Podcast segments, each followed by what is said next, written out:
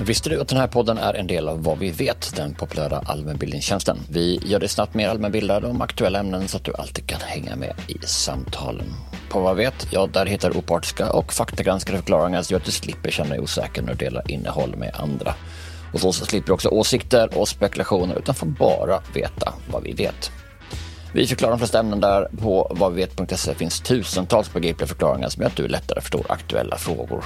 Det är också skoj, för där kan du också testa din allmänbildning inom olika ämnen med våra quiz och sen jämföra ditt resultat med genomsnittet. Så om du vill bli mer allmänbildad snabbt, gör som över en halv miljon svenskar som använder sig av Vad vet varje vecka. Och just nu, ja, då har jag fått möjlighet att ge mina lyssnare ett specialerbjudande som innebär att du bara betalar 9 kronor i månaden de första två månaderna. Och då, då får du en basprenumeration med obegränsad tillgång till allt. Och så kan du dessutom dela den prenumerationen med en vän, vilket ju blir ännu mer prisvärt. Journalistik av hög kvalitet som vi gör, ja det kostar förstås pengar. Och det är våra nyfikna, generösa prenumeranter som gör det möjligt för oss att producera den här podden. Och jag skulle därför bli så glad om du ville bli en av dem som stöttar oss. Du gör det så här, du går till vadvet.se per eller anger rabattkoden PER, PER. Vid utcheckning så får du prova på för bara 9 kronor i månaden. Det är alltså vadvet.se per eller rabattkod PER. Tack på förhand. Say hello to a new era of mental health care. Cerebral is here to help you achieve your mental wellness goals with professional therapy and medication management support. 100% online. You'll experience the all new Cerebral Way, an innovative approach to mental wellness designed around you. You'll get a personalized treatment plan from a therapist, prescriber, or both in a safe and judgment free space. Your cerebral therapist or prescriber will outline a customized plan with clear milestones along the way so you can get to feeling your best. With Cerebral, you're not alone in your mental health journey. We're here to empower you to live a fulfilling life. So take that first step towards a brighter future and sign up today at cerebral.com slash podcast and use code ACasts to get 15% off your first month. Offer only valid on monthly plans. Other exclusions may apply. Offer ends July 31st, 2024. See site for details. Hey, Dave. Yeah, Randy. Since we founded Bombus, we've always said our socks, underwear, and t-shirts are super soft. Any new ideas? Maybe sublimely soft. Or disgustingly cozy? Wait, what? I got it. Bombus. Absurdly comfortable essentials for yourself And for those facing homelessness. because one purchased equals one donated. Wow, did we just write an ad? Yes. Bombas. Big comfort for everyone. Go to bombas.com slash ACAST and use code ACAST for 20% off your first purchase. Från vad vi vet, det här är Perspektiv med mig, Per Granqvist. Forskarna pratar om så här, man kan inte bli sockerberoende. Och då säger jag, men vi har ju faktiskt aldrig sett ett barn ligga och skrika framför broccolin i butiken eller framför liksom baconet. Vi äter mer än någonsin men får i oss mindre än tidigare. Ja, ungefär så kan man beskriva svenskarnas matvanor nu för tiden. Samtidigt som vi debatterar hur många ägg man kan äta varje dag eller hur farligt potatis är för oss glömmer vi bort att prata om hur vår mat förändrats de senaste decennierna. Alltså inte bara i termer av fetthalter och sockerhalter utan det är mer adekvat att beskriva vår mat nu för tiden som konstruerad snarare än tillagad.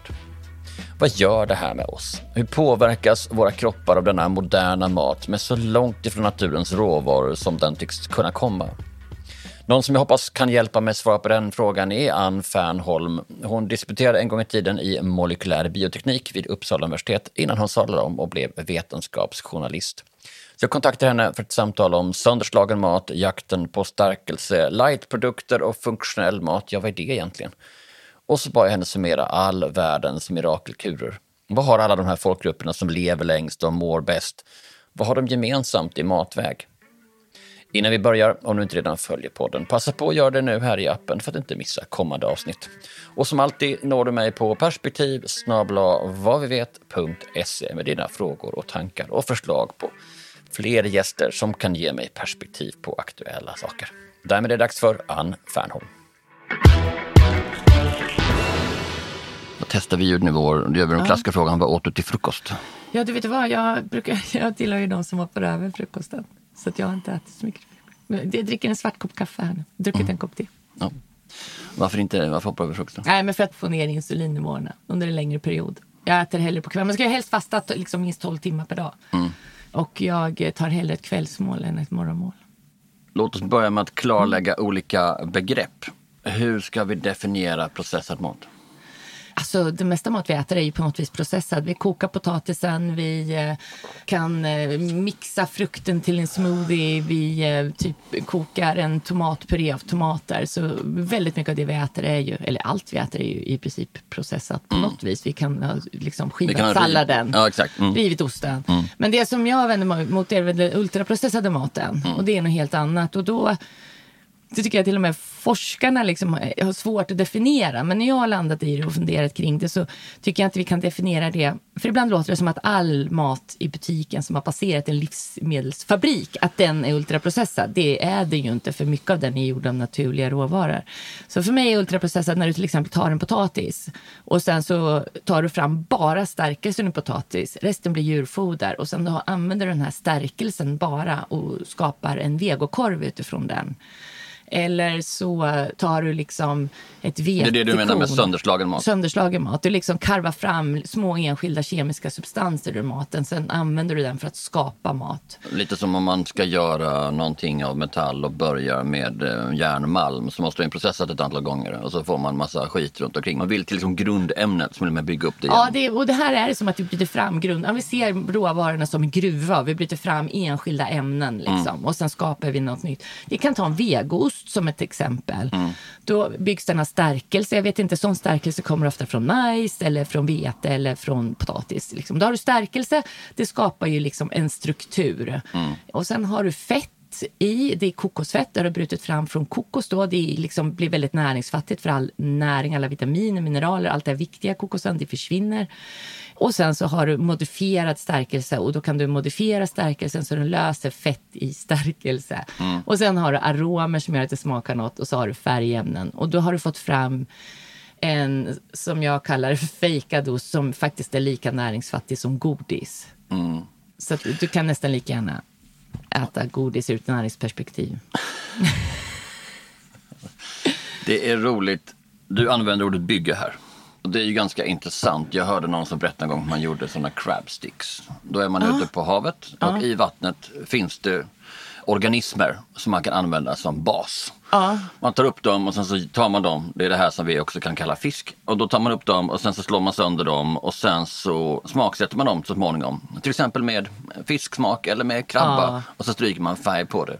Och jag tyckte det var så roligt när jag hörde det första gången. För vad, men man smakar lite någonting, till exempel med fisk. Ja. Det är ju den här liksom, jag är ute på havet, jag bryter malm eller jag tar den här råvaran. Jag gör det, men man bara, fast det är fisk. Vad ska vi gå hela liksom den här? Här ska vi göra crabsticks av. För är förmodligen någon form av smaklös fisk som vi inte vill Ja, men äta. för jag ska liksom. göra en vegost då börjar vi helt enkelt med att vi behöver halvkilos förpackningar som ska kunna säljas under för ungefär det här. Och det blir som en, jag ritar nu i luften framför mig, här är en volym som vi ska fylla med något. Ja, så är det ju. Och sen så måste du liksom få till strukturen och konsistensen och där använder du jätteofta stärkelse eller modifierad stärkelse för att liksom bygga någon slags Mm. Det är som en struktur. komponent man ska göra någonting i en, modern bil. Den här behöver göra den här funktionen, den behöver väga så här mycket. ja, Det var någon som, faktiskt någon som kommenterade på mitt LinkedIn. Jag hade pratat med någon här, som jobbar inom livsmedelsindustrin och de bara, ja vi använder ju typ bara socker och stärkelse idag. Liksom. Mm. Vi bygger maten utifrån, stärkelse är jätteviktigt byggmaterial. Skapar struktur och konsistens.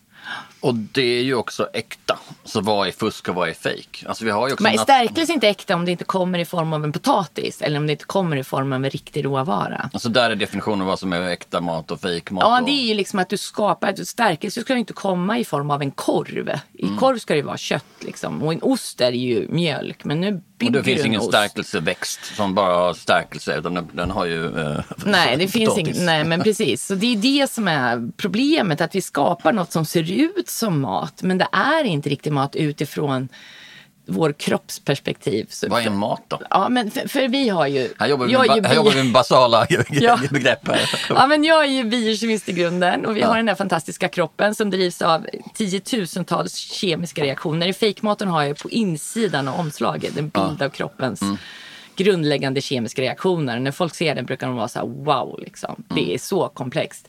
Och det här maskineriet drivs ju av det vi äter. Vi måste äta de molekyler som driver det här maskineriet. Så vi måste äta en otroligt komplex blandning av eh, kemiska ämnen som vitaminer och, mineraler som zinkjärn. Och, I en vitlök skriver jag i boken finns ju 2300 olika ämnen i en vitlök. Och det finns mängder av ämnen i maten som vi inte ens vet att vi behöver för vi har inte koll på allt med våran kropp. Men här tar vi liksom bara stärkelse. Det är en enda kemisk molekyl. Vi tar bara kokosfett. Det är lite blandning av olika fettsyror. Men det är fritt från vitaminer och mineraler och allt det här vår kropp behöver. När vi bygger vegoosten. Sen har vi betakaroten som färg. Betakaroten är ju ett vitamin. Så det är väl kanske någonting som liksom smörjer vår kropp. Men det är det där att vi behöver ju ha, forskarna pratar om the food matrix. Det är liksom det här kittet i maten som vi liksom inte ens har koll på.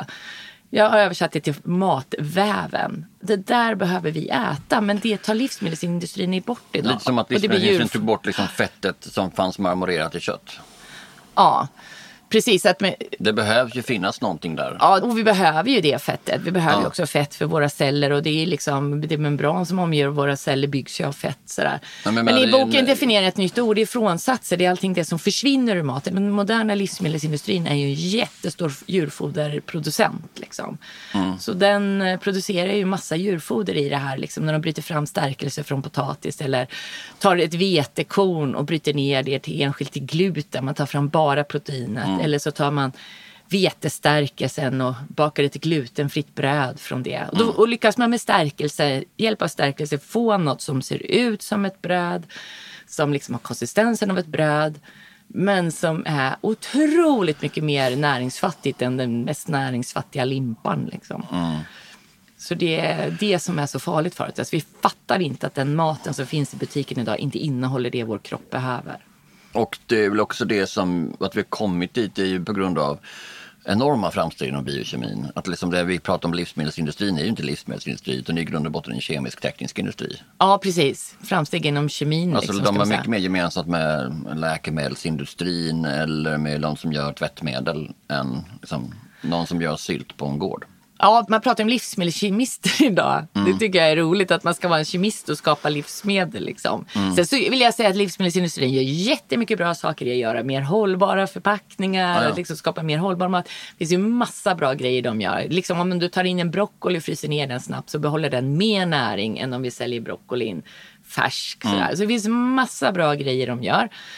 Men just det här när de bryter ner maten till sina minsta beståndsdelar och sen så tar de fram det de blandar med förtjockningsmedel. Aromer, det är ju smakämnen. Men är smakämnen fake. Ja, alltså du använder ju det för att maten inte smakar något annat annars. Men för vi har har ju, så menar, konstiga liksom, de klassiska råvaror. smakförstärkarna är ju salt, socker, fett, alkohol. Det är därför det är som en vitvinsås smakar Ja, och fantastiskt. här liksom som dina crab sticks där som du pratar om. Liksom. Ja, men då är det ju inte krabba egentligen. Utan då måste du tillsätta krabbaromer. Du Mm. gör en champinjonsoppa idag i livsmedelsindustrin som innehåller mer palmfett och glukossirap än champinjoner. Liksom. Och då Mm. Det ju måste det med- champinjonarom. Ja, det, är ju, det är ju skämtet om eh, Amazing Aspargus från Kelda.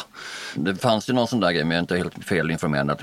Det får inte kallas sparrissoppa, för det innehåller inte sparris. Det som är amazing är hur lite asparges det innehåller.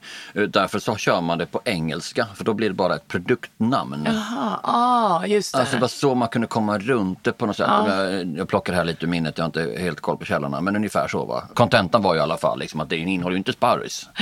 Jag har ju ett öppet brev till livsmedelsindustrin i fejkmaten som handlar om just det här att kan inte bara kapa bort de här en procent liksom av typiskt så här eh, dubbelmacka med knäcke. Sen står det att det är basilika och tomatsås. Jag tror jag räknar ut att det var några nanogram basilika i det. Det som gör att det smakar det är liksom aromer. Eller om man har smultrondryck så har man typ en procent smultronjuice i och sen är det aromer som gör att det smakar smultron. Det finns ju en sån här jordgubbskvarg som säljs med parollen må väl men det innehåller ju inga jordgubbar utan det är ju bara färgämnen, förtjockningsmedel, aromer, några smakämnen. Och sen så har liksom jordgubbarna ersatts med någon slags konstig blandning som ska likna jordgubbar. Fast i riktiga jordgubbar när vi äter det är det ju mängder av nyttiga ämnen och antioxidanter som vår kropp behöver. Liksom. Men i det här konstgjorda jordgubben så finns ju inte riktigt det. För vad är egentligen problemet om man färgsätter en punschrulle med färg istället för spenat? Liksom, är det... En punschrulle, ja precis. Nej men det, spenater det innehåller ju fibrer och vitaminer och massa viktiga grejer så där får ju andra saker med spenaten. Men da, idag är ju klorofyll ett färgämne. Det Mm. har ju ett E-nummer. Det används ju mycket i grön färg. Och det är ju liksom, alltså, det är väl nyttigt. Så här. Ja, för det är också den där, om man ska äta sånt som inte har E-nummer, det verkar ju jättedumt. För har allting E-nummer så... Ja, och där skulle jag säga att för idag när vi tittar på ultraprocessad mat och pratar om Mm. det så är det som ja, ju fler E-nummer desto mer ultraprocessat. Det stämmer ju till viss del, men jag tror inte att det är E-numren som är det största problemet. Och i typ i godiset kanske E-numret är det enda som är en vitamin liksom. För Mm. betakaroten har ett E-nummer. Kurkumin som är det som vi tänker är jättenyttigt med gurkmeja, det har ett E-nummer. Mjölksyra har ett E-nummer. Mm. Vi äter mängder av mjölksyra när vi äter yoghurt. Så använder du mjölksyra för att konservera en lax lite så att den håller längre, då är det bara jättebra tänker jag. Så att maten blir mer hållbar i ett samhälle där vi har problem med matsvinn och så. Men problemet med E-numren tycker jag att det är ett väldigt otydligt system för konsumenterna. För mängder av E-nummer är naturliga ämnen som vi inte behöver oroa oss för. Men det finns också massa onaturliga ämnen som jag känner att jag inte vill äta. Liksom. Där har vi faktiskt skapat en app, Matchecken, som man kan använda för att hålla koll på onaturliga ämnen i maten. Vissa E-nummer är ju aluminium och eh, silver. Liksom. Jag har ingen lust att käka silver eller aluminium för det vet jag att det är inte jättebra för det här fantastiska biokemiska maskineriet. Men är det många varor som klarar sig? Ja, det är många varor som klarar sig, men det är en och annan. Sen så finns det vissa E-nummer där man faktiskt börjar få ganska stora frågetecken kring. Det har Europeiska myndigheten för livsmedelssäkerhet, EFSA, har gjort ett jättearbete genom att gå igenom alla E-nummer igen. Det finns ett väldigt, väldigt vanligt E-nummer som heter karienan som används som förtjockningsmedel i mängder av ämnen. Och där börjar man fråga nu om det kan ge, bidra till inflammatoriska tarmsjukdomar. Det är att livsmedelsindustrin i uppdrag att nu får ni gå igenom det här. Men tills de har gjort det så känner jag att den grädde jag köper får gärna vara utan karienan. Det behöver inte vara den som har karienan i sig när det finns två olika gräddar. Så, så, vad, är, vad, är egentligen nytta? Vi backar lite. När, alltså, när var maten vi åt ärlig? ja, jag skulle säga i svenska bondesamhället. Det vi åt då var ju mat lagat från grunden på naturliga råvaror ofta. När vi åt maten som kom från, det är inte jättelångt tillbaka. Det riktiga är han- liksom den här ultraprocessade moderna maten som bygger mycket på socker. Den började ju öka på 50, 60 och 70-talet. Just det, för kemi, biokemin gör sina stora framsteg under första halvan av 1900-talet. Alltså. Ja, nu tycker jag att du, alltså biokemi är ju att vi kartlägger kroppens kemi. Ja, nej, men jag tänker när den eh, gör intåg i livsmedelsindustrin. Ja, det är inte vanlig kemi i livsmedelsindustrin skulle jag säga. Biokemi är ju att kartlägga kroppen, hur den fungerar och hur det här fantastiska samspelet är mellan molekyler. Livsmedelsindustrin är ju mer att man utnyttjar vanlig kemi och bryter fram stärkelse och liksom kollar stärkelsens egenskaper. Men menar du att, att kroppens fantastiska förmågor är okända? Ja, biokemi är att kartlägga det här fantastiska samspelet vi har i vår Ja. kropp och det börjar man få bättre och bättre koll på nu skulle jag säga. Alltså, jag disputerade ju 2001 i biokemi. Mm. Sen dess har ju bara kunskapsmassan, det ökar ju lavinartat. Så, vi, så om den moderna livsmedelsindustrin med det ultra eller hyperprocessade växer fram i början på 50-talet så vet man faktiskt ingenting om hur det påverkar. Nej, man hade ju jättedålig koll. Då hade man ju knappt... eh, När de får upptäcker DNA och får Nobelpriset på det, det är väl på 60-talet. Liksom. Upptäckten av DNA görs väl någon gång på 50-talet.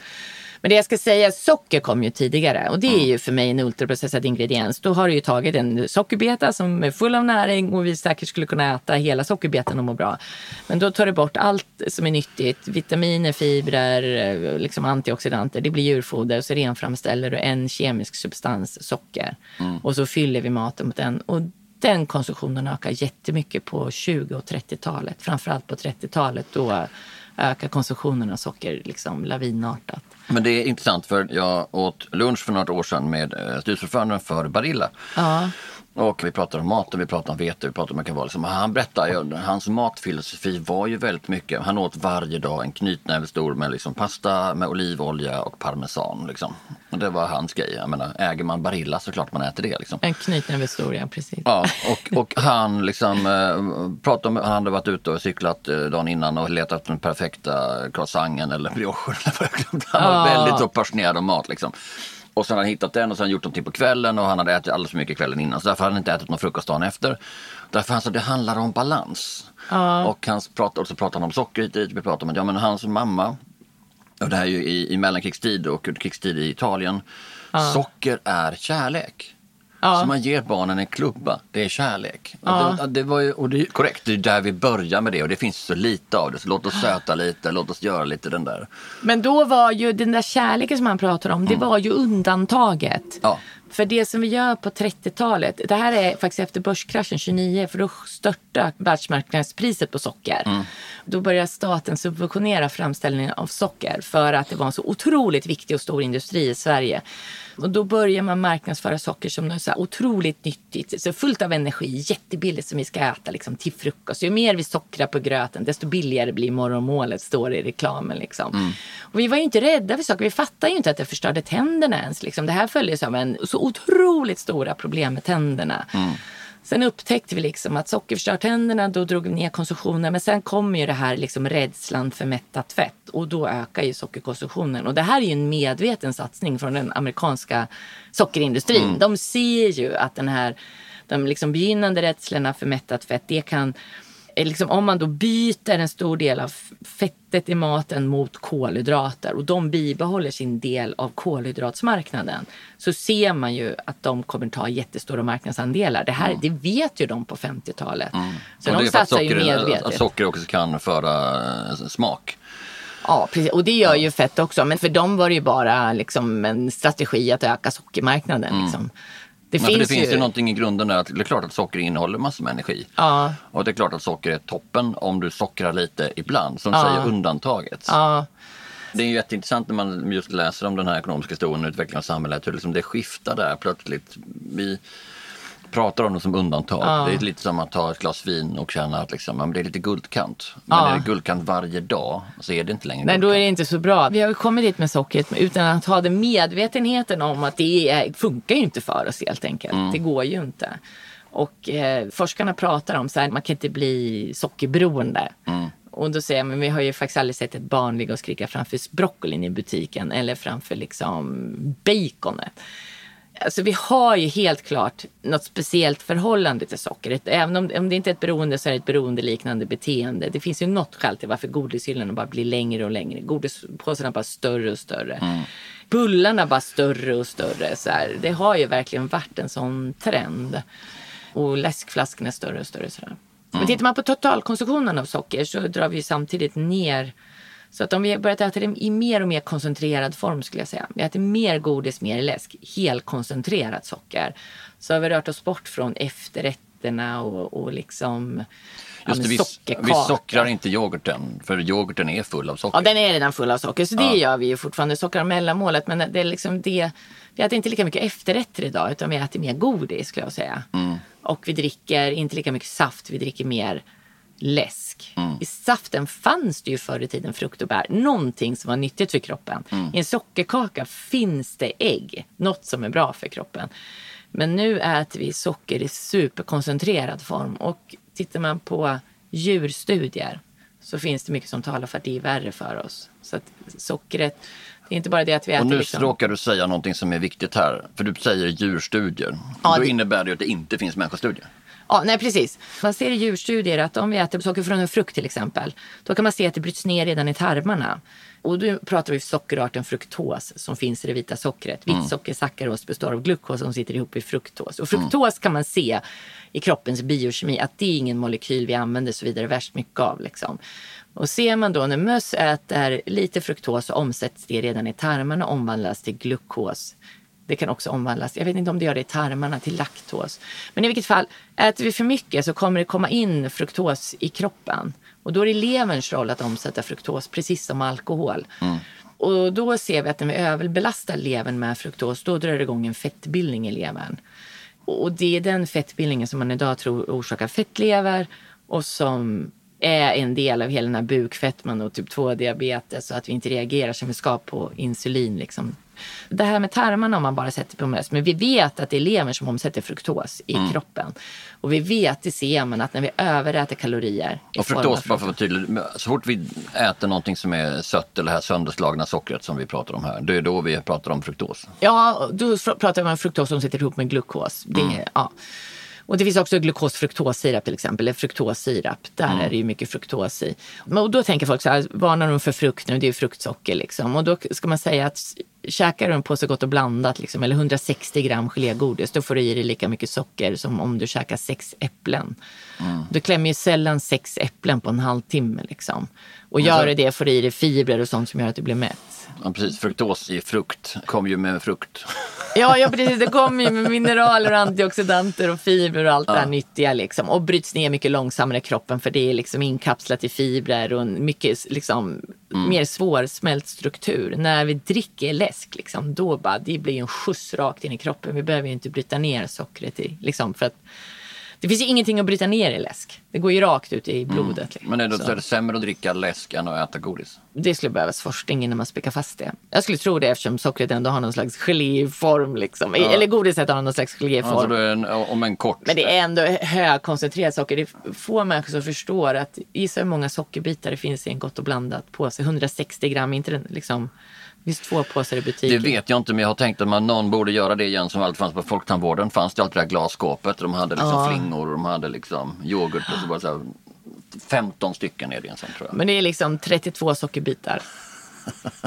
Så du skulle aldrig lägga en hög med 32 sockerbitar och knapra. Men när vi liksom kapslar in det med färgaromer och färgämnen och och liksom. nu 30% frukt dessutom står det ofta på Gott och blandat. De har en sån serie. Ja, ja precis. Och då är det ju juicekoncentrat. Det där har jag anmält. Ja. Svaret från Malmö som granskar Cloetta. För jag tycker det är fel att det står äkta frukt, för det är ju inte äkta frukt. Ja. Och då är svaret att vi konsumenter förväntar oss inte att det ska vara hela bitar frukt i den produkten. Så när vi inte förväntar oss att det ska vara äkta frukt, då får det stå att det är äkta frukt. Är inte det jättekonstigt? Det blir något väldigt kullerbytta över det. Ja, på något vis utgår de sig från att vi förstår att det där inte är sant. Och då får man skriva. Och då det, jag kommer ju, landar ju i fejkmaten i, att, eh, i boken att språket har förlorat sin betydelse i butiken. Och språket används ju på ett så fult sätt. Liksom. Mm. För att övertyga oss om att något som inte är natur. Det är samma sak när man skriver naturdiet finns det någonting som heter dessa bantningspreparat. Då finns det ju inte ett naturligt ämne i det. Som jag menar, naturligt är ju en råvara som består av sina naturliga delar. Mm. Liksom. Mm. Sen kommer ju allt från naturen. Man har ju brutit fram det mesta från någon form av naturlig råvara. Mm. Men då så säger man att liksom, ja, men ordet natur har det är så brett definierat så det är så svårt att veta vad det betyder i butiken. Som liksom, typ att vi har en inre natur av att vara människa. Liksom. Det är mm. vår natur att vara människa. Men då är ju plast också natur. Ja, men precis. Och då blir det så här, men då betyder det ju ingenting. Ja, då vill jag tanka min bil med naturliga ämnen. Ja, ja, ja, men fast en bensin är väl naturligt. Det har ju en gång varit en liksom ormbunke som har vuxit och sen blivit olja och sen blev det bensin. Det är jättenaturligt.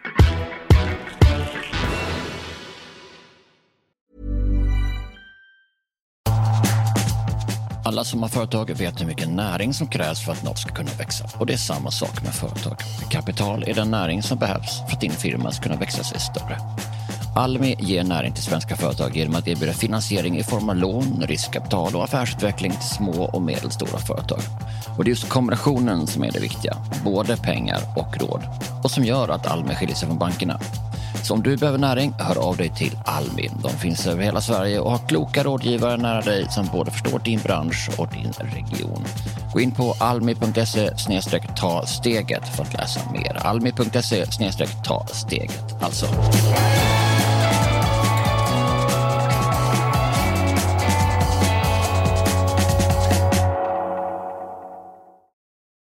Say hello to a new era of mental health care. Cerebral is here to help you achieve your mental wellness goals with professional therapy and medication management support. 100% online. You'll experience the all new Cerebral Way, an innovative approach to mental wellness designed around you. You'll get a personalized treatment plan from a therapist, prescriber, or both in a safe and judgment free space. Your cerebral therapist or prescriber will outline a customized plan with clear milestones along the way so you can get to feeling your best. With Cerebral, you're not alone in your mental health journey. We're here to empower you to live a fulfilling life. So take that first step towards a brighter future and sign up today at cerebral.com slash podcast and use code ACasts to get 15% off your first month. Offer only valid on monthly plans. Other exclusions may apply. Offer ends July 31st, 2024. See site for details. Hey everyone. I've been on the go recently Phoenix, Kansas City, Chicago. If you're like me and have a home but aren't always at home, you have an Airbnb. Hosting your home or a spare room is a very practical side hustle. If you live in a big game town, you can Airbnb your place for fans to stay in. Your home might be worth more than you think. Find out how much at airbnb.com/slash host.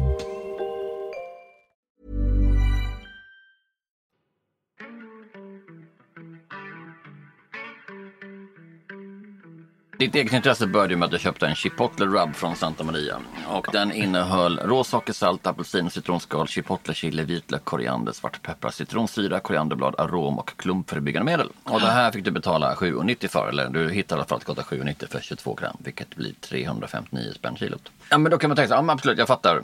Det var 359 kronor kilo för något som hade socker och salt som första ingredienser. Det var ju det som jag reagerade på. Liksom. Och då tänker jag så här, man undrar vad en, klassisk chipotle innehåller. Och det finns förstås lika många recept som det finns familjer i amerikanska södern. Men i grova drag är det två matskedar med brunt socker, det är två matskedar med eh, malen chipotlepeppar då. Sen finns det en matsked med paprika, en matsked med senapspulver, en matsked kummin och en matsked salt. Så den första skillnaden med det traditionella är alltså mindre sofistikerat om vi säger så än Santa Marias recept. Eh, För det, Mycket mer riktiga kryddor i det där ju, eller hur? det är absolut riktiga kryddor. Sen är det ju också riktiga kryddor i, i Santa Maria får man ju säga. Förutom arom och klumpförebyggande. Då. Ja, men det är, det är mycket mindre salt. Det är ju en större krydda än de man, du nämnde. Ja, ju. vi vet ju inte riktigt variationerna i, i Nej. någon av dem. Men jag, så jag kollade också priset. Och råsocker ligger på 299 spänn för 5 kilo. Så, så 60 kronor kilot idag. Storpack restaurangkök det här va. Ja. Chipotlepeppar 400 spänn kilot. Salt 265 för 5 kilo. Så typ 53 kronor kilot. Så det innebär att Santa Maria har en hygglig marginal. Om allt är råsocker Ja. så hade de där 22 gram kostat 1,20 och de säljer för 7,90. Så att de tjänar 6,70 per påse vilket är ju jättemycket i procent. Men den andra skillnaden är att du slipper blanda det här själv. Alltså tjänar du 175 spänn i timmen, vilket är snittlönen i Sverige för timanställda. Så blir det 2,91 per minut. Så om det tar mig mer än två minuter att blanda min egen rub så är det alltså billigare för mig att köpa Santa Maria än att göra det själv. ja, så är det ju. Och, och, och, jag håller med liksom. Men det är som... och, och det, det är som... det jämför, alltså jämförelsen haltar naturligtvis liksom. Och du gör säkert en rub på under två minuter. Men tiden är ju Nej, det gör jag inte. Men jag kanske skulle göra, blanda mycket rub och sen så, ha en, så att jag har många gånger. Liksom. Ja, antagligen och då är- kommer det antagligen under två minuter per, Ja, per men det, portion. sen blir det ju godare rub om man gör den själv.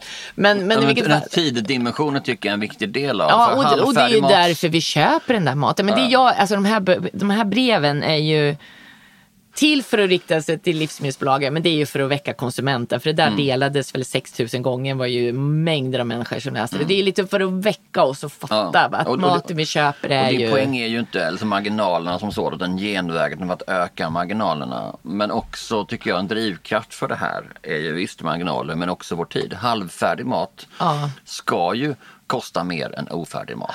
Så, Men det som jag nämner där också i det inlägget är ju att de har lyckats ta fram något som liknar guacamole med 1,5 procent avokado.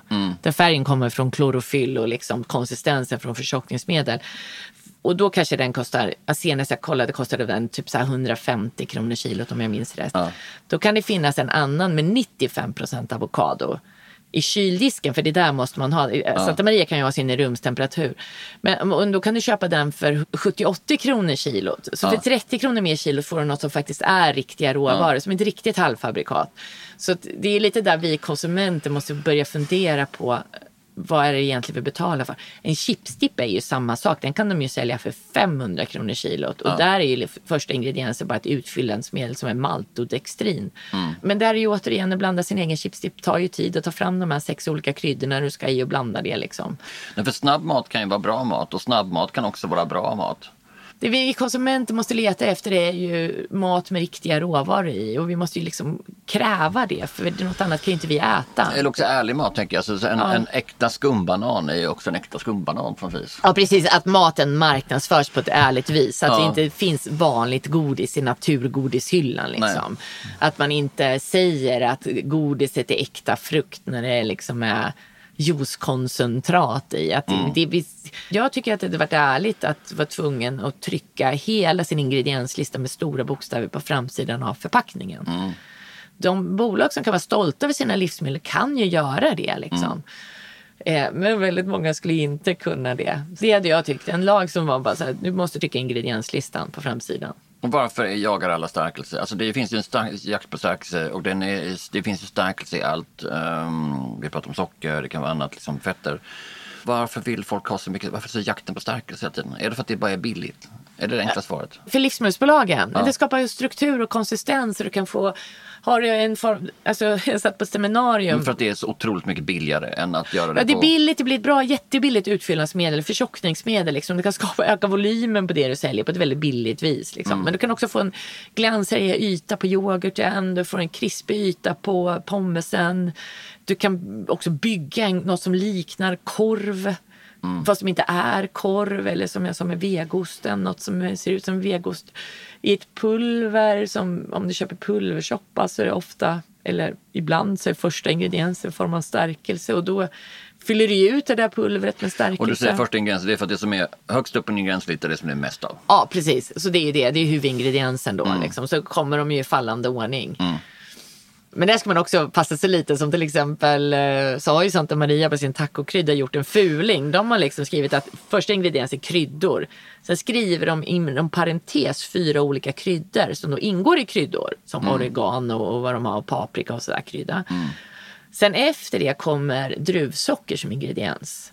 Men hade de inte lagt, hade de lagt alla ingredienserna i fallande ordning utan att skapa någon slags grupp för kryddor, då hade ju druvsocker varit första ingrediens. Så då köper vi druvsocker för 450 kronor kilot. köper. Det är ju liksom inga problem, men det, på något vis är det ett utfyllnadsmedel. Vi behöver inte, vi behöver inte ha druvsocker i köttfärsen liksom, för att den ska smaka bra. Det bidrar ju inte jättemycket till smaken. Utan man har det för att man vill addera vikt. Ja, Ja, för absolut. det är helt meningslöst. Ja, jag skulle säga att det är meningslöst att druvsaker smakar inte ens speciellt sött. Så här. Tittar du på druvsocker finns det ju jättemycket charkprodukter och då säger bolagen att ja, nej, men vi måste ha det för att balansera smakerna, charkprodukterna. Men det finns också ja, men, rökt skinka, alltså smörgåsskinka helt utan druvsocker. Och i min värld så smakar den precis lika balanserat och jättegott också. Så det är klart att det där druvsockret blir ett sätt att ja, men dryga ut köttet. Och, eh, men säkert också att du kanske behåller lite mer fuktighet eller någonting sånt. För socker har väldigt många bra sådana egenskaper för att eh, ja, ge bra konsistens. Och, sen är det ju ett konserveringsmedel också. Så det, det har sjukt många bra egenskaper socker. Den enda dåliga egenskapen är att vår kropp inte tål så stora doser som vi äter idag. Men sen har vi då lightprodukter, då, vi pratar om socker. Alltså det slår ju igenom på 80-talet. Vad är liksom grejen? Hur gör man lightprodukter då? Vad är det man sötar med då istället och hur, hur nyttigt är de? Ja, det, det finns ju en sorts lightprodukter när man tagit bort fett och tillsätter socker istället. Då kallar man ju liksom yoghurt light. Det kan ju vara att man har dragit in på fettet istället och satt till socker. Sen finns det ju andra lightprodukter som är att man tar bort sockret och tillsätter sötningsmedel. Ja, men där är det väl att vi ska slippa kalorierna från socker. Det var ju redan en debatt på 50-talet, liksom, att socker kan orsaka fetma. Då kom ju sötningsmedelsindustrin igång liksom, och vi har ett kalorifritt socker här, eller kalorifri sötning. Så det drog ju igång där. Och då ser man ju när man sätter sig in i historien och industrilobbying, då satsar ju sockerindustrin mängder på att visa att sötningsmedel inte ledde till någon större viktnedgång än att äta socker. På 50-talet i USA så lanserades socker som ett bantningsmedel faktiskt. Man sa att det var bättre än... Man sa att det dämpade aptiten.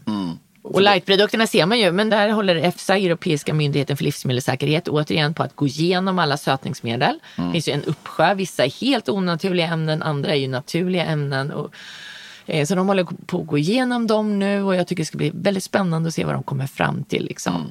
Vi har ju aspartan och vi har massor sådana kända som man har gått med. Och sen finns det ju, eh, idag har det ju exploderat här zero-produkterna. Och Liksom. sukralos och acesulfam K. Det finns mängder av sötningar. Jag tror det finns åtminstone nio olika. Men för alla de här fler. zero-produkterna, är det liksom så att då- då kan det vara vad som helst i dem? Eller är det, är högt Ofta sock- blandar du flera olika sötningsmedel. För de har ofta lite bismak. Så, så då kan du blanda, göra en liksom blandning för att få fram något som är bra.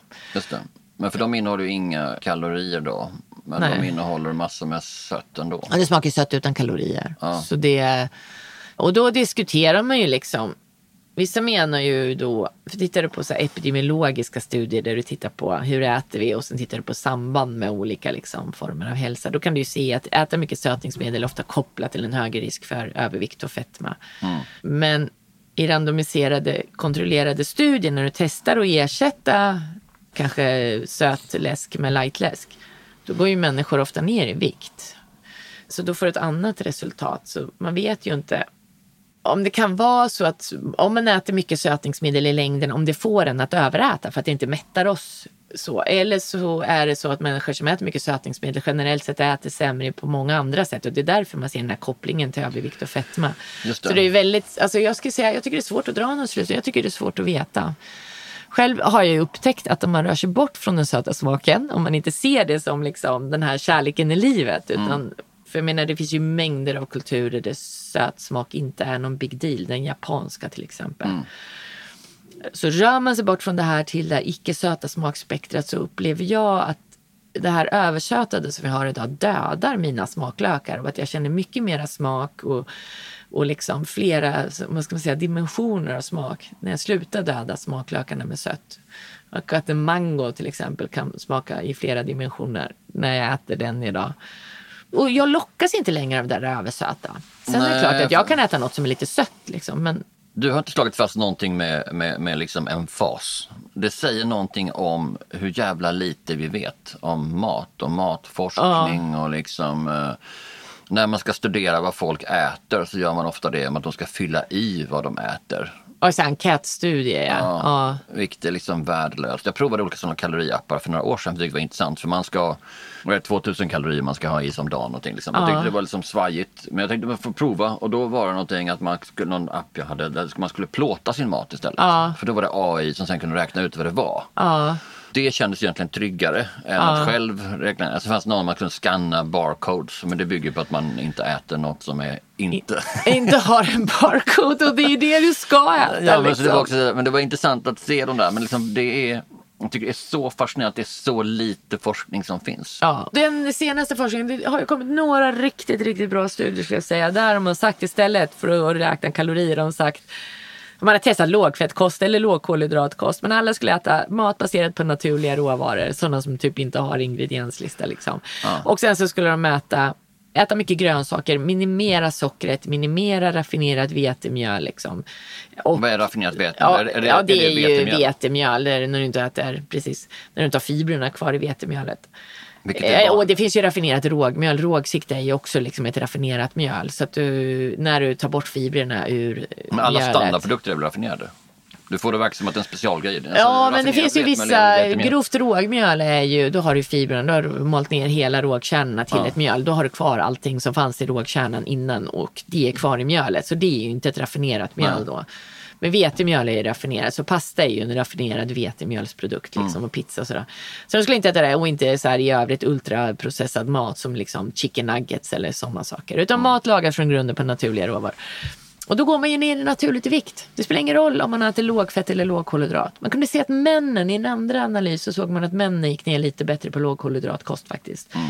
Det spelade inte så stor roll utan alla gick ner 6-8 kilo i vikt och det är väldigt mycket för att vara en viktnedgångsstudie. Och utan att räkna kalorier. Men är det inte också olika förbränning? För det pratar man också om. Eller att man är, alltså, om du gör yoga eller tar del av den indiska kulturen så vill du snabbt se att du är hatta eller pitta. Alltså, Ja, att man förbränner mycket. Ja. och man ser olika ut. Du kan påverka din egen förbränning också visar forskning av vad du äter. Är vi helt olika, olika personer eller är det bara inlärda beteenden? Jag menar, titta i, i min familj så liksom, eh, jag menar, om man känner sig hungrig på kvällen ska gå och snacka någonting. Liksom. Det är ganska avgörande. Vad är, om man, vad är jag sugen på? Vi ska göra någonting. Liksom. Och jag har ju alltid varit sugen på kallt, rått, grönt. Eh, och min fru har alltid varit som fett, stekt djur.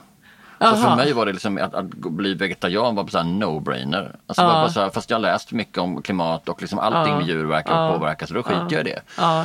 Det är det jag är sugen på. Köper enormt mycket olivolja. har, men får har prenumeration på sallad och sånt. Liksom. Så det är det jag söker. Min dotter likadan. Ja. Min son som sin mor. Och då har jag undrat om det är inlärt eller om det bara är liksom att vi har då olika... Det är nog ingen som kan svara på. Egentligen idag, eller så. Vad som är inlärt och vad som inte är. Mycket är ju inlärt. Men vad vi äter är ju, första året i livet är jätteavgörande för vad du gillar för mat. Då? För där ser man ju först då bebisar har egentligen väldigt, om vi tillåter dem att utforska maten, vilket vi inte gör idag för de får inte ens äta själva utan vi sitter oftast och matar dem och ofta med väldigt smaklösa puréer. Men det forskningen visar att bebisar, om de får testa att äta själva och utveckla sina smaklökar så kan ju de äta jättemycket olika mat. Det här otroligt kräsna stadiet hos barn, det kommer först när vi blir ett och ett halvt, två år gamla ungefär. Och då ser man att lär vi barn äta riktig mat innan det stadiet inträder.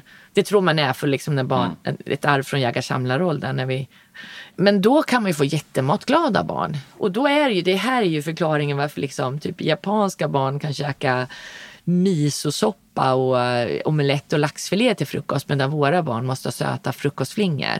Och där har ju en förklaring är ju liksom att ja, vad matar vi barnen med? Men det är söta klämmisar och det är liksom, de vänjs ju in i det här söta smakspektrat. Men inuiters barn de kan käka valspäck och fiskögon och våra barn kan knappt äta laxfilé. Liksom. Och där är första året i livet, det ser man ju. Och det är så roligt nu för jag får ju så mycket feedback från föräldrar. Vissa barn blir ändå väldigt kräsna ska jag säga. Så det, vad man än gör under första året i livet så kan de Du ändå kan bli ha fått väldigt en kräsna. pipig unge, ledsen, vi kan inte göra någonting åt Ja. det. Ja. Men många andra vittnar ju om att mina barn äter allt. Liksom. De är förundrade på dagis. Våga tro på barnen. Sen handlar det ju om att många är rädda för att för de här hela bitarna, att de ska sätta dem i halsen. Och så då har jag jobbat med en som är logoped som jobbar med barns munmotoriska utveckling. Och de måste, precis som man lär sig stå, krypa och gå, liksom, eller krypa, stå och gå, så måste man lära sig tugga och svälja mat. Och det är en motorisk process som de måste få en chans att öva in. Idag med de här klämmisarna, de får inte en chans att göra det för vi är överrädda för de här hela bitarna mat. Så man måste ju liksom sakta men säkert lära barnet att tugga. När jag, vår son var liten så var vi då en vinter i Thailand i tre månader och då liksom var vi var så jävla rädda. att, Hur ska vi tänka med maten? Ska man köpa liksom, hur får vi med oss tillräckligt mycket Ja. semper? Ska vara en egen resväska och sånt. Sen bara, det kom ganska sent. Fast de måste ju ha barn i Thailand också. Ja, Så vi skiter i den resväskan med semper utan vi bara gick in till restaurangen och sa hej här är ett barn och då tog de honom direkt och så försvann han någonstans in bakom. Så men, vi behöver se till att, eller ni behöver se till att han får mat i Ja. tre månader. Så ge honom samma mat som ert. ja, Och det gick ju ta med åt rissoppor och vad det var, ingen aning. Liksom. Han fick ju alltid grejer, det kom ju saker till honom hela tiden. ja. Men det som hände när vi sen kom hem, det var ju att liksom vi var tvungna att vänja av med honom så här guava och sånt. För han hade guava i liksom sin, han fick välling någonting de gjorde. ja. Så vi hittade någon svensk välling och blanda guava, juice i det. för att han har gillat det. Ja, för det är så smakar välling liksom. Ja, Eh, och eh, nu var det bara för att han inte ätit guava på jättelänge. Sen så fick han guava juice när uh, vi var ute och reste någonstans. Och han bara, det här känner jag igen. Åh, vad häftigt. Det var rätt intressant att han bara, ja, så han förstod. Han kände absolut igen det, det var barndom för honom. Ja. Men han har inte ätit sen dess. Så på det här liksom. Men också hur fåniga vi är som föräldrar såklart. Liksom. Men du vet, vi, vi bodde i San Francisco ett tag. Vi tog ju med oss centergrejer. Men eh, när vi, vi åt, där äter man ju mycket mexikansk mat liksom. Mm. Och vi var ju ute och käkade det. Och då brukade han få quesadillas. Det är liksom så här ta- tortillabröd med ost och, och kyckling. Sen när vi skulle flyga hem på flygplatsen så bara han får sista quesadillasen nu liksom. Vi äter också mexikanskt. Det var ju fantastiskt gott. Ja, så tog han en tugga och så bara, du skulle sett den minen. Bara, och jag bara herregud. Så tog jag liksom en tugga och det var så fruktansvärt starkt så jag bara brände på läpparna. Och då sitter det här barnet och så bara med, med. Och så tar han en ny tugga och så bara den där minen igen och så bara med, med. Och han var besatt. Du vet ingenting annat. Och jag är min så här, jag tog ju det som en rolig historia. Istället för att typ, typ, ta steget tillbaka, tänka till. Och bara, han älskar ju den här maten. Man fick ju inte in i köket och fråga, ursäkta, vi kommer inte starta en konkurrerande restaurangverksamhet. Min son älskar det här, hur gjorde ni? Och så att han kunde få det igen. Och han har ju faktiskt alltid älskat stark mat. Men inte ens den tydliga signalen gjorde att jag i min tillskruvade liksom barnmatshjärna fattade det. Det var ju först sen när vi hade någon matkasse, då fick vi jättestark lammkorv i den. Och den gillade han också jättemycket. Och sen men har han det- gillat liksom mycket chili. Vi pratar ofta om koriander som att det är liksom en inlärd. Antingen så fattar man det eller så smakar man parfym. Liksom. Ja, Fast allt är ju inlärt. ja men men jag, jag tänker det Men här. i Umeå äter de ju rullpizza. Det är ju objektivt jätteäckligt. ja, Liksom. Och Trocadero till. Nej, men det, australiernas, den här Vegemite. Har du käkat det? Ja, det är Där- också skitkonstigt. Ja, jag älskar ju alla det där. Kanadenserna tycker att, vår, att vi käkar kräftor. Det tycker de är helt skruvat liksom. Mm.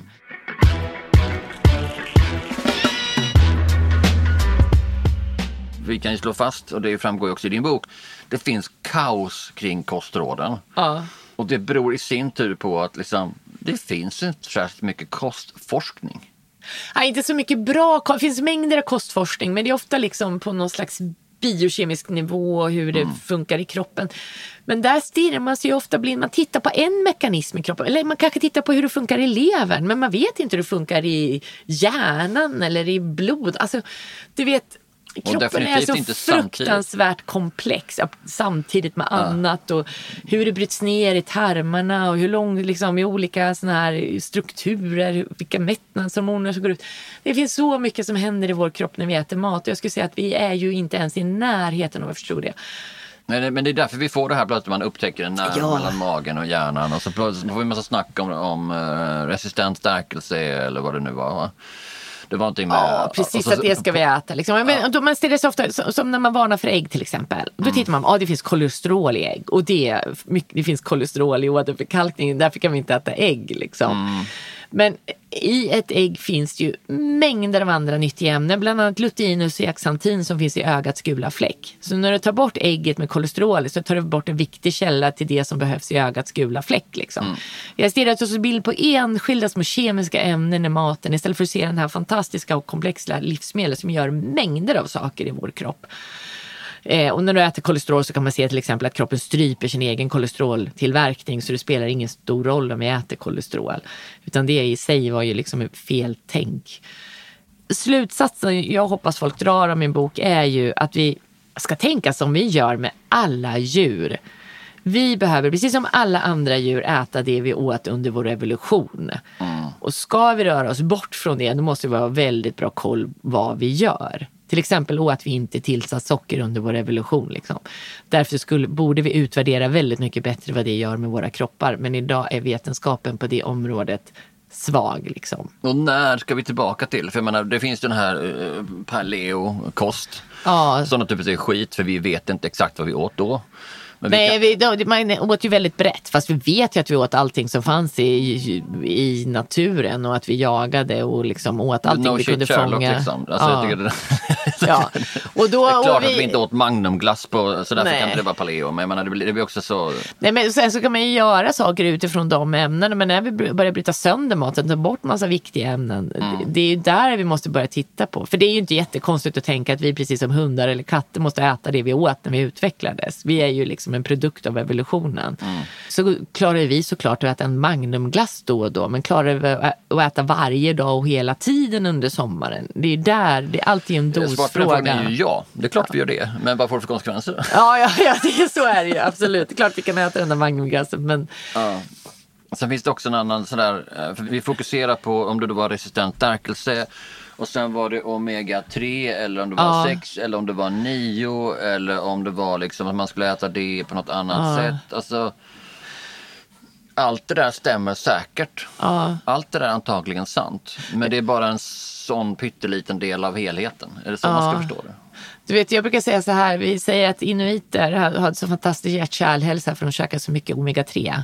Fransmännen har haft en fantastisk kär- hjärt-kärlhälsa trots att de röker som borstbindare och motionerar ganska lite. Men det är för att de dricker så mycket rödvin säger vi. Grekerna har en fantastisk hjärt-kärlhälsa för att de äter fantastiskt mycket olivolja. I norra Kaukasus, de här gubbarna som finns på våra yoghurtförpackningar, där är att de äter yoghurt. Japanernas fantastiska hjärt-kärlhälsa, det är för att de äter en lågfettkost säger vi. De blå zonerna va? Ja, och Okinawaöarna är ju det. Ja, där är det för att de äter sin speciella sötpotatis och de äter sig bara 80 mätta. Massajerna har haft en fantastisk hjärt-kärlhälsa som har levt liksom på blod, kött och mjölk. Och då har vi sagt att de har haft en extraordinär omsättning av sitt kolesterol, har jag hittat någon gång. Och sen finns det de som säger att nordamerikanska indianer har haft en fantastisk hjärt-kärlhälsa för att de eh, andas genom näsan. Det finns saker som också, om man tittar på Ockhams rakkniv, som är ju det här, vi hittar den minsta gemensamma nämnaren för alla de här kulturerna. Vad är det då? De har ju ätit riktig mat, liksom lagat från grunden och de har inte ätit stora mängder vitt socker och raffinerat mjöl. Så, men I Frankrike gör man ju det, men det är oftast ganska små doser jämfört. De har ju inte käkat, liksom, druckit läsk och käkat små godis. Och den klassiska medelhavskosten är absolut inte rik Nej, på därav, socker. därav att det är liksom max en knytnäve med pasta om man äter pasta. Ja, men precis. Eh, Och i Grekland har man ju inte käkat pasta heller. Liksom, utan där har det ju varit mera andra saker. Och Så norra från- Kaukasus. Så poängen med det här är att vi tittar hela tiden på vad man äter. Som att det var hälso, det, liksom det, en hälsosam kultur äter, det är det vi ska titta på. Vad är det de äter? Det är det som skänker Mm. hälsan. Vi kanske ska börja titta på vad var det de inte åt som vi äter. Det kan också ge en förklaring till vad, vad som sker, ger oss ohälsa. Och är svaret då så enkelt som att det är vitt mjöl och socker? Såklart inte hela svaret, men en stor del av svaret. Och jag skulle faktiskt vilja se på bara socker. Det finns inga studier. Det finns bara små studier där du faktiskt inte gör något annat än att undvika tillsatt socker. Jag skulle vilja se en stor välgjord studie som kvantifierar de effekterna. Vad får det för effekt om du bara undviker tillsatt socker? Inget annat. Inte ens raffinerat mjöl. Det finns sådana studier på barn och då ser man att de automatiskt börjar gå ner i vikt. De ska ta bort sockret och istället äta, typ, ta bort söta frukostflingor och äta vitt, mjö, vitt bröd istället osötat bröd till frukost. För det är skitsamma vilket sorts socker och hur det, blir, men liksom, hur det påverkar kroppen är inte bra för oss. Nej, alltså det, jag skulle i alla fall... Om det är zero det- rent sötningsmedel biokemiskt- eller om det är något annat. Det är lite skitsamma. Ja, det det är så, osötningsmedel är en helt annan grej. Utan det är just det här att fruktos, stora doser fruktos omsätts i levern och ger oss fettlever. Och, och kan också påverka tarmfloran och sånt där. Jag skulle vilja se en, att vi bara, bara tar bort det tillsatta sockret. Hur stor blir den effekten? Så att vi bara vet effekten av det. Inte liksom bara en kvantifiering av den effekten. Den studien finns inte idag.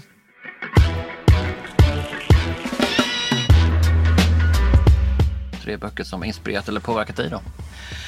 Jag skulle säga att en bok som jag bär med mig som jag tyckte var fantastisk var Tyst hav av Isabella Lövin. Och vad var det som inspirerade med den? Ja, men hon, det är ju hennes hur hon granskar och går igenom eh, fiskeripolitiken.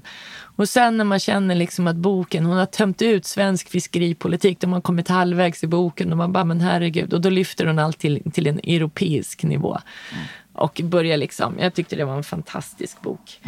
En annan otrolig bok eh, som jag tycker det är Den odödliga Henrietta Lacks av Rebecca Skloot.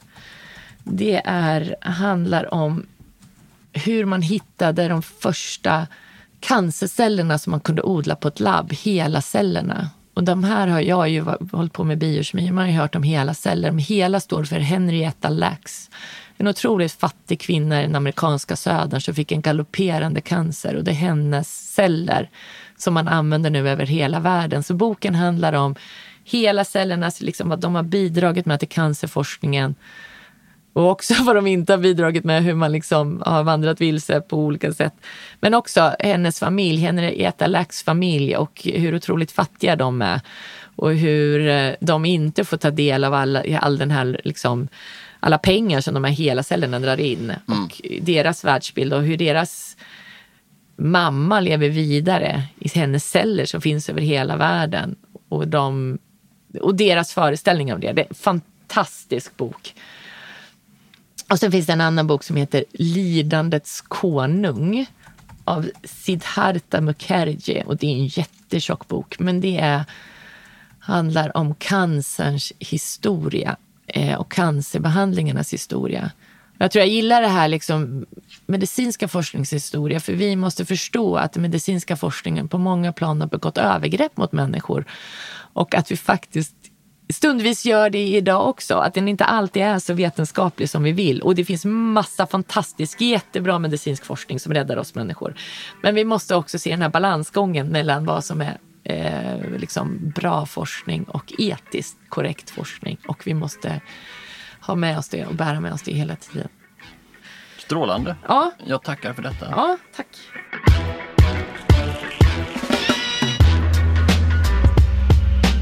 Undvik vitt mjöl och vitt socker alltså. Så kan all världens mirakelkur sammanfattas enligt Ann Fernholm. Och en av de många sakerna jag tog med mig från vad hon sa var också det där om att bara för något saknar vetenskapliga bevis innebär det inte att det är ovetenskapligt, bara kanske oforskat. Gillade du vad du hörde idag? Ja, men passa på då att ge den här podden fem stjärnor i betyg via Apple Podcast eller Spotify. Det hjälper ju ännu fler att hitta den. Och kanske har du vänner som också funderat på vad de stoppar i sig och då tycker jag du ska skicka det här till dem. Dela det med dem med hjälp av dela-knappen som du har i poddappen. Och dela sociala medier, använd då hashtaggen perspektivpodden. Jens Back var dagens producent, mixningen stod Stray Dog Studios för och Per Granqvist, ja det är jag som pratar. Nästa gång får du perspektiv på ett annat ämne. Vi hörs då.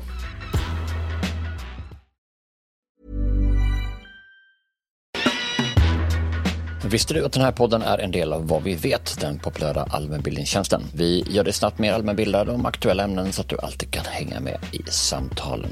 På Vad vet, ja där hittar opartiska och faktagranskade förklaringar så att du slipper känna dig osäker när du delar innehåll med andra. Och så slipper du också åsikter och spekulationer utan får bara veta vad vi vet. Vi förklarar de flesta ämnen där. På vadvivet.se finns tusentals begripliga förklaringar som gör att du lättare förstår aktuella frågor. Det är också skoj, för där kan du också testa din allmänbildning inom olika ämnen med våra quiz och sen jämföra ditt resultat med genomsnittet. Så om du vill bli mer allmänbildad snabbt, gör som över en halv miljon svenskar som använder sig av Vad vet varje vecka. Och just nu, ja, då har jag fått möjlighet att ge mina lyssnare ett specialerbjudande som innebär att du bara betalar 9 kronor i månaden de första två månaderna. Och då, då får du en basprenumeration med obegränsad tillgång till allt. Och så kan du dessutom dela den prenumerationen med en vän, vilket ju blir ännu mer prisvärt. Journalistik av hög kvalitet som vi gör, ja det kostar förstås pengar. Och det är våra nyfikna, generösa prenumeranter som gör det möjligt för oss att producera den här podden. Och jag skulle därför bli så glad om du ville bli en av dem som stöttar oss. Du gör det så här, du går till vadvet.se per eller anger rabattkoden PER, PER.